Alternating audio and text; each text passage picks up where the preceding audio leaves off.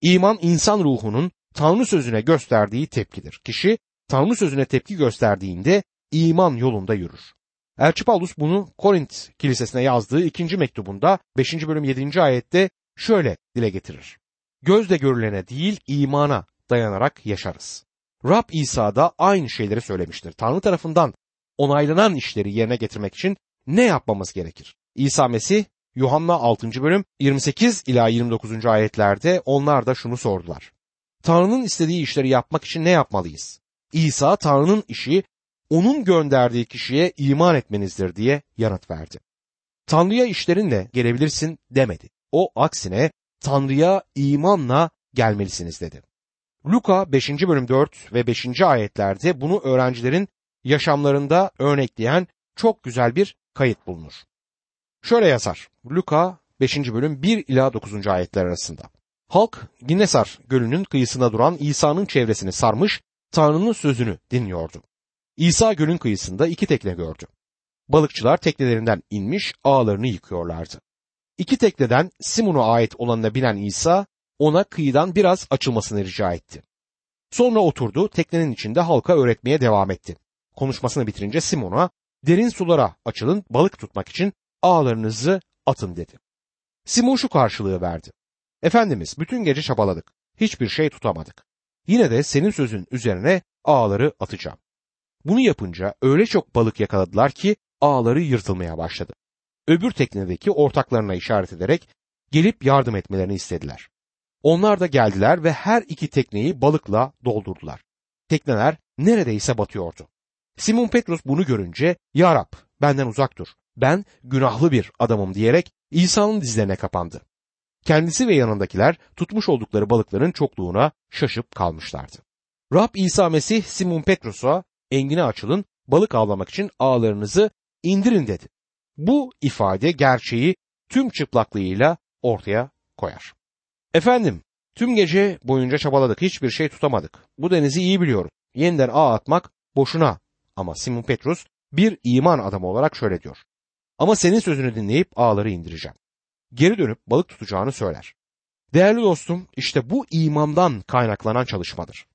Mesih'e inananlar olarak ihtiyaçlarımız imandan kaynaklanan çalışmanın Tanrı sözüyle işlediğini bilmemizdir.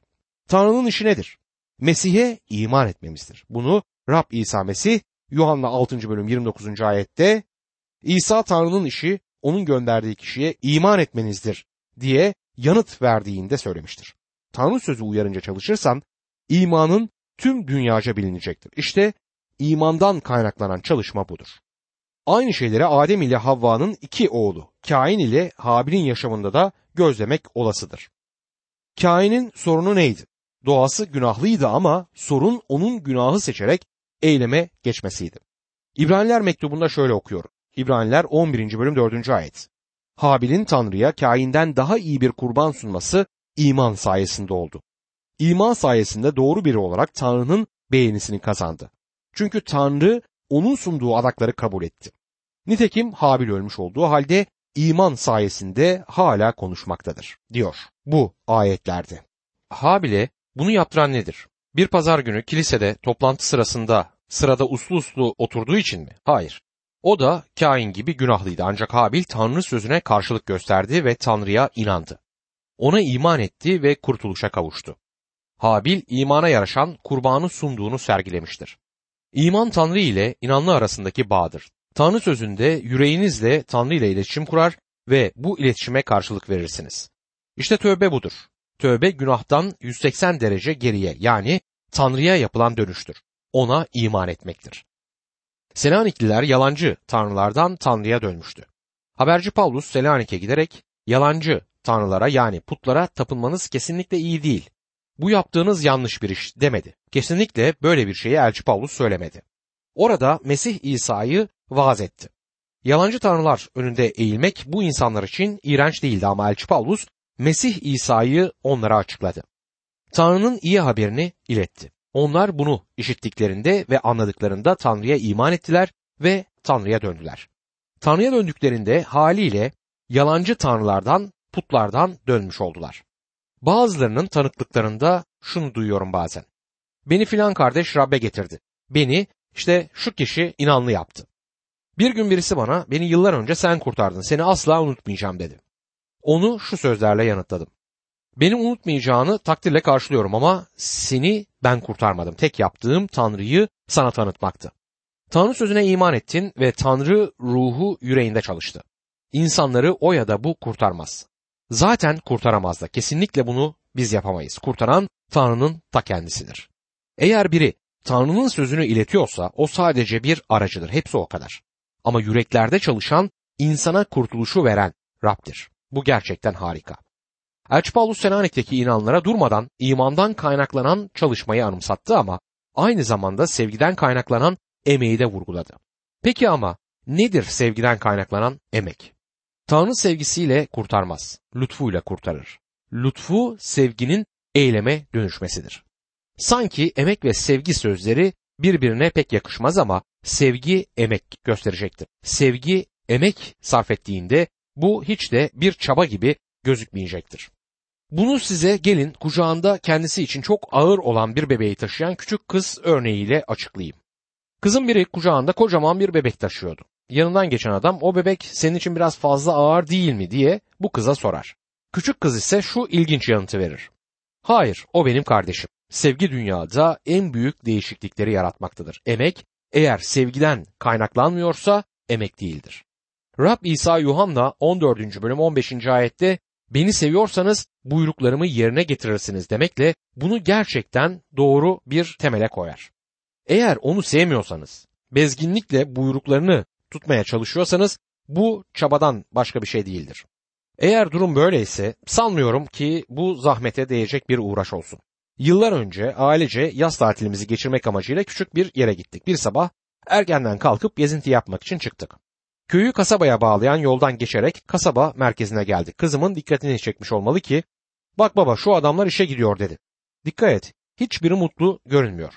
Bu hepsinin yüzünden okunuyordu. Kaygılı ve sinirli halleri var diye gözlemde bulundu. İnsanların yüzde 99'u yaptıkları işten nefret ediyor. Bense şöyle diyorum. Sevdiğim işi yapmak harika. Yani yaptığınız iş size sevinç vermeli. Bu sevgiden kaynaklanan emektir. Eğer Rab için emek vermek bugün senin için çok ağırsa inanıyorum ki Rab İsa sana şöyle söyleyecek. Uğraşma kardeşim onu bana ver. Rab böyle olmasını istemez. Onu sevmeliyiz. O zaman onun için ne yaparsak bu sevgiden kaynaklanan bir emek olacaktır. Bu inanlının yaşam kimliğini sergiler böyle olduğunda. Çok yetkin bir vaiz olan Moody bir gün evine geldiğinde ailesi ona gelecek toplantıyı iptal et çok yorgun görünüyorsun ve biliyoruz ki öylesin. O şu mükemmel yanıtı verir bu lafın üzerine. Çalışmaktan yorgunum ama işten değil. Tanrı için çalışırken yorulmak ama onun işinden yorulmamak harikadır. Tanrı'ya sevgi itaatle açıklanır. Gerçek inanlı kimdir sorusunu açıklamaktan yoruldum. Eğer bunu kanıtlamak istersen buyur sevgili kardeşim sevginle bunu ispat et. Sevgi kendisini itaatle ifade eder. Bunu unutmamalıyız. Şimdi gelip hep birlikte Elçi Paulus'un Selanik Kilisesi'ne yazdığı üçüncü buyruğa bir göz atalım. Umuttan kaynaklanan katlanış. Yalancı tanrılardan gerçek tanrıya döndükten sonra aynı zamanda onun oğlunu yani İsa Mesih'i gökten beklemeye koyuldular. İşte bu umuttan kaynaklanan katlanıştır. Her insan yaşamında gelecek için bir umut taşır. Umut her neyse onu destekler ve ayakta tutar. Birçok kişi yüzlerce yıl önce bu konuda sözler söyledi. Martin Luther, dünyada yapılan her şey umut yüzünden yapıldı demiştir. Ondan çok daha uzun yıllar önce yaşamış bir pagan, yani tanrı tanımaz birisi, umut insanlık ailesinin hemen hemen tümünde kalır diye yazmıştır. Bir başka kişi ise umut gibi ilaç yoktur der. Yarın daha iyi olacak beklentisinden daha büyük dürtü, daha güçlü iksir yoktur.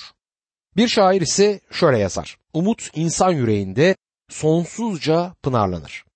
Bir devlet adamı umuda ilişkin düşüncelerini şu sözlerle dile getirir.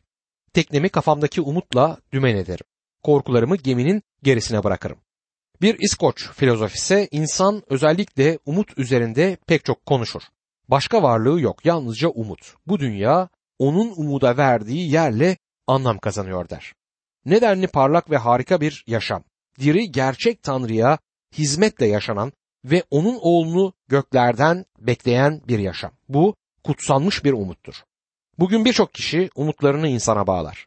Sorunlarını insanın ortadan kaldırabileceğini, dünyaya özlenen barışı ve refahı insanların getirebileceğini sanarlar. İnsan bunu başaramaz. Eğer umutlarını dünyaya bağlamışsan, azıcık asılınca kopu veren pamuk ipliğine benzediğini görürsünüz. Ya da ele alınca patlayıveren sabun köpüğüne benzer insana bağlanan umut. Tanrı adamı cennet bahçesinden kovdu çünkü günah işlemişti ve insan o zamandan bu yana dışarıda bir cennet yaratma çabası içerisindedir. Kilise yıllar önce Tanrı egemenliğinin kendi binası olduğunu öğretiyordu ama Tanrı egemenliği orada değildi. Tanrı insanı sonsuza dek günahta yaşamaya bırakmadı. Ona bunun için şükran sunmalıyız. Her çağ evrensel eleştiri altında kalarak şunları söylemiştir. Bir şekilde yollarımız bir gün sınanacak. Büyük Alman İmparatorluğu, Büyük Frederick, yaşadığım şu çağ bir karmaşa çağı. Umudum Tanrı'da demiştir. Şu karmaşa çağında senin umudun sevgili dinleyicim kimdedir? Umudun bir siyasi partiye ya da insan eliyle kurulu bir organizasyona bağlı mı? Hiçbir parti, hiçbir grup ya da kişi dünyayı sorundan kurtaramayacaktır. Evrenin egemenleri Tanrı'nın ellerinde perçinlenmiştir ve o tam zamanı gelince onları harekete geçirir. Bildiğim bir şey var. Romalılar 8. bölüm 28. ayet. Tanrı'nın kendisini sevenlerle, amacı uyarınca çağrılmış olanlarla birlikte her durumda iyilik için etkin olduğunu biliriz, diyor. Evet, Elçi Paulus burada Hristiyan yaşamının üç ana gerçeğini bir araya toplar. İmandan kaynaklanan çalışma gerilere haça bakmaktadır ve yaşamda iyi işleri üretir. Sevgiden kaynaklanan emek, Mesih'e hizmet sunan Tanrı çocuğunun temeli ve motifidir. Umuttan kaynaklanan katlanış ise geleceğe bakar. İnanlıya sunulan muhteşem bir üçlü lütuf vardır burada. Her inanmanın yaşam tanıklığı bunlar olmalıdır. Selanik'teki topluluğun bunlar tanıklığıydı ve umut da sizin topluluğunuzun yaşam öyküsü olmalıdır. Ardından Elçi Paulus başka büyük bir gerçeği ele alır. 1. Selanikler 1. bölüm 4. ayet. Tanrı'nın sevdiği kardeşlerim sizleri onun seçtiğini biliyoruz der. Burada yeni baştan seçim sözüyle karşılaşmaktayız. Efeslilere mektupta Efesler 1. bölüm 4. ayette şöyle okuruz. O kendi önünde sevgide kutsal ve kusursuz olmamız için dünyanın kuruluşundan önce bizi Mesih'te seçti. Burada Elçi Paulus Mesih'teki birliğe seçti der. Elçi Paulus bu mektubunda Selanik'teki inanlara seçim konusunu vurgulamak istemez. Bunu Tanrı'nın bakış açısından tanımlar. Sen ve ben sevgili dostum Tanrı'nın bakış açısından bunu göremiyoruz. Ama ortada bilinen bazı gerçekler var ki bunları da belirtmeliyiz. Geometride bilinen iki nokta arasındaki en kısa mesafe iki nokta arasına çizilen doğrudur. Bunun aksini ispata kimse çalışmadı ama geometrik hesaplar bunu kanıtlayacaktır. Her neyse bazı gerçekler var ki bunlar için kanıta ihtiyaç duymadan bunları hemen kabul ederiz. Ve yine bazı şeyler var ki doğruluğunu asla kanıtlayamayız. Tıpkı bu kapsamda Elçi Paulus seçim sözü üzerinde ne tartışmalara girer ne de onu ispata çalışır. Sadece olayı ortaya serer. Kardeşlerim Tanrı'nın sizi sevdiğini ve seçtiğini biliyoruz. Bu resmin Tanrı yakasından görünen kısmıdır. Evreni Tanrı'nın yarattığını bilmeliyiz ve nasıl yarattığı üzerinde duracağız tabii ki. Kutsal kitabın yaratılış bölümü üzerinde vurgulamak istediğim olay Tanrı başlangıçta göğü ve yeri yarattı olacaktır. Evet evrenin yaratıcısı Tanrı'dır. Ama onu o idare etmez diyenler var. Tanrı'nın evreni bir amaç için yarattığını bu kişiler inkar eder. Şunu bir kez daha vurgulamak isterim. Tanrı evreni yarattı ve tüm evren onun yüceliği için var. Dağdaki vaazında Rab İsa Mesih Matta 5. bölüm 16. ayette şöyle söyler. Sizin ışığınız insanların önünde öyle parlasın ki iyi işlerinizi görerek göklerdeki babanızı yüceltsinler. İsa iyi işlerini sizi yüceltsin demedi. Onlar gökteki babanın yüceliği içindir. Özellikle size söylemek istiyorum. İnanlı kardeşim, Tanrı yaratandır ve tüm evren onun yüceliği için durur. O Tanrı'dır. Ondan başka Tanrı yoktur. Hiç kimseden Tanrı'nın öğüt almaya ihtiyacı yok. Tüm kainat onun öz iradesiyle çalışmaktadır. Sen ve ben Tanrı'nın merkez olduğu bir evrende yaşıyoruz. İnsanın merkez olduğu bir evren değil, Tanrı'nın merkez olduğu bir evren. Bu Tanrı'nın evrenidir ve bu evren onun yollarında yürür. Bazı şeyler mutlak söylenmelidir. Tanrı bir zalim değildir. Tanrı adildir, Tanrı dürüsttür. Tanrı'nın her yaptığı doğrudur ve daha da önemlisi Tanrı kutsaldır. Tanrı sevgidir. Belki her zaman bu düşüncede olmayabilirsiniz. Eğer öyleyse size bir haberim var. Tanrı'nın yaptıkları konusunda haklı olmadığını düşünüyorsanız ya da Tanrı'nın planlarının her zaman en iyisi olmadığını düşünüyorsanız size vereceğim yanıt şudur. Yanlışsınız. Sen düşünceni bu konuda düzeltmelisin. Eğer düzeltmezsen evrene ters yönde çalışırsın. Evren Tanrı için var. Onun yüceliği için ve onun amacı için var. Onun yüceliğini engelleyecek en küçük bir olay bile bu evrende olamaz. Denetim onun ellerinde ve evreni bugün yöneten de odur. Bunları aklımızda tutmalıyız ve gelin başka konulara ilgimizi verelim. Doğmamış olabileceğinizi hiç düşündünüz mü? Var olmayabilirdiniz. Ben de olmayabilirdim. Tanrı bana Uğur var olmak ister misin demedi. Bana sorsaydı bile var olmayacaktım. Bunu düşünen yalnız odur. Varlığımın tek sorumlusu da o. Bana erkek ya da kız olup olmayacağımı sormadı.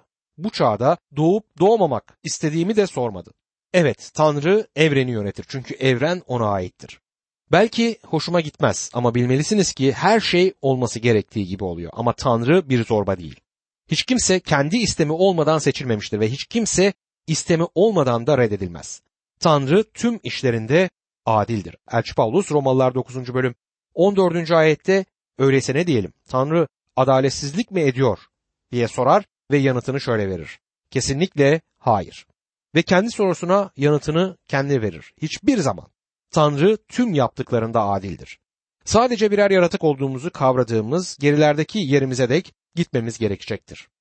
Yalnızca birer yaratık aynı zamanda tam anlamıyla ahlaki değerleri ayaklar altına almış, bozulmuş bir yaratığız. Biliyorum bu söylediklerim bu çağda sevilen sözler değil. Birbirimizi pohpohlamayı, sırtını sıvazlamayı seviyoruz. Günahın girmediği insan ilişkisi hemen hemen yok. Tüm günah eylemleri üzeri celalanarak, yasallaştırılmaya çalışılarak yutturuluyor. Evet kardeşim, insan ırkı kendi kendini çuvala tıkacak yerde kendi kardeşini uyandırmalı, düşük yaratıklar olduğunu sergilemelidir. İşin tek kelimeyle açıklaması şudur. Tanrı'ya isyan bayrağını açmış bulunuyoruz. İzin verin Elçi Paulus'un Selaniklilere bildirdiği ayeti yenileyim. 1. Selanikliler 1. bölüm 4. ayet. Tanrı'nın sevdiği kardeşlerim, sizleri onun seçtiğini biliyoruz. Belki bundan hoşlanmayacaksınız ama bu böyle. Tanrı evrenin yöneticisidir. Size tavsiyem ona protesto pankartları açmak yerine onun önünde yere kapanmanız ve sizi var ettiğine şükretmenizdir. Size kendi seçimini yapma fırsatı verdiğine teşekkür etmek önemlidir. Onun daveti hala yürürlüktedir. Yuhanna 7. bölüm 37. ayet. Bayramın son ve en önemli günü İsa ayağa kalktı. Yüksek sesle şöyle dedi. Bir kimse susamışsa bana gelsin içsin. Susadınız mı? O zaman Mesih'e gelin. Mesih seni kabul edecektir. Susamadınız mı? O halde onun bu davetini unutun. Tanrı bu kayıp dünyaya tam ve özgür kurtuluşu bugün sunmaktadır. O kadına erkeğe al ya da bırak der. İşte özgürlüğün kaynağı burasıdır. Kabul edebiliriz ya da reddedebiliriz. Ortası yok. Her kişi seçme konusunda özgürdür. İncil tüm zorluklara karşın bol güvenliği vaat eder. Şimdi 1. Selanikler 1. bölüm 5. ayette muhteşem bir ayetle karşılaşıyoruz. Çünkü yaydığımız müjde size yalnız sözle değil, kudretle, kutsal ruhla ve büyük güvenle ulaştı. Nitekim aranızdayken sizin yararınıza nasıl yaşadığımızı bilirsiniz diyor bu ayette. Elçi der ki, biliyorsunuz size geldiğimizde sadece insandık. Ağızları ve dilleri çamurdan zayıf insanlar. Tüm yapabildiğimiz sözler söylemekte ama biz Tanrı sözünü söyledik. Ve Tanrı sözü size ulaştı. Ancak söz size ulaşırken büyük bir güçle ve kutsal ruhla size geldi diyor. Sevgili dostum burada Tanrı'nın sözlerini size iletmekten sevinç duyduğumu söylemek isterim. Çünkü bu yolla size Tanrı'nın iyi haberi ulaşır. Tanrı'nın sizi sevdiği haberini duyuyorsunuz. Tanrı sözünü Tanrı ruhu alıp kullandığı zaman bu sözler çok etkin olacaktır. Bize gelen mektuplar da bunun kanıtı. Örneğin bir ev hanımı şöyle yazdı bana. İlk kez radyonuzu dinliyordum. Kocam kızdı, öfkelendi, hatta küfretti ama ben radyonuzu dinlemeye devam ettim. Bir gün radyo saati aklımdan çıktı. Kocam bana anımsattı. O da benimle birlikte dinledi. Sonunda bunun olabileceğine çok şaşırdım. İşte kutsal ruh çalıştığı zaman sonuç bu olur. Sevgili dostum tüm bunların benim süper bir vaiz olduğum nedeniyle olduğunu düşünüyorsanız aldanıyorsunuz. Büyük olan, muhteşem olan, Tanrı ruhunun Tanrı sözünü kullanışıdır. Tanrı sadece kişileri bir araç olarak kullanır. Yürekleri gören, yürekleri eleştiren, tövbeye getiren, kurtaran sadece Tanrı'dır. İşte biz buna güveniyoruz. Şimdi dikkatle beni dinleyin. İnancım kutsal kitabın Tanrı sözü olduğudur. Lütfen bana bu konuda tartışma konularınızı iletmeyin. Birçok yerde Tanrı sözünü öğrettim ve bu konuda çok şeyde bildiğimi söylemek isterim. İnandığım Tanrı sözünün asla yanılmazlığına ve bu sözün insanlara konuştuğudur. Bundan da ileriye giderim. Tanrı ruhunun Tanrı sözünü kullanarak senin yüreğine ve yaşamına, benim yüreğime ve yaşamıma girip bizleri yenilenmiş insanlar yapabileceğine de iman ediyorum. Kişiler zayıf, insan bedeni zayıftır. Radyodan duydukları birkaç söz veya broşür okudukları için kişiler, insanlar yeniden doğuşu kazanmazlar. Elçi Petrus'un yazdığı gibi 1. Petrus 1. bölüm 23. ayet. Çünkü ölümlü değil ölümsüz bir tohumdan yani Tanrı'nın diri ve kalıcı sözü aracılığıyla yeniden doğdunuz diyor. İnanıyorum ki Tanrı ruhu Tanrı sözünü alıp size gerçek kılabilir.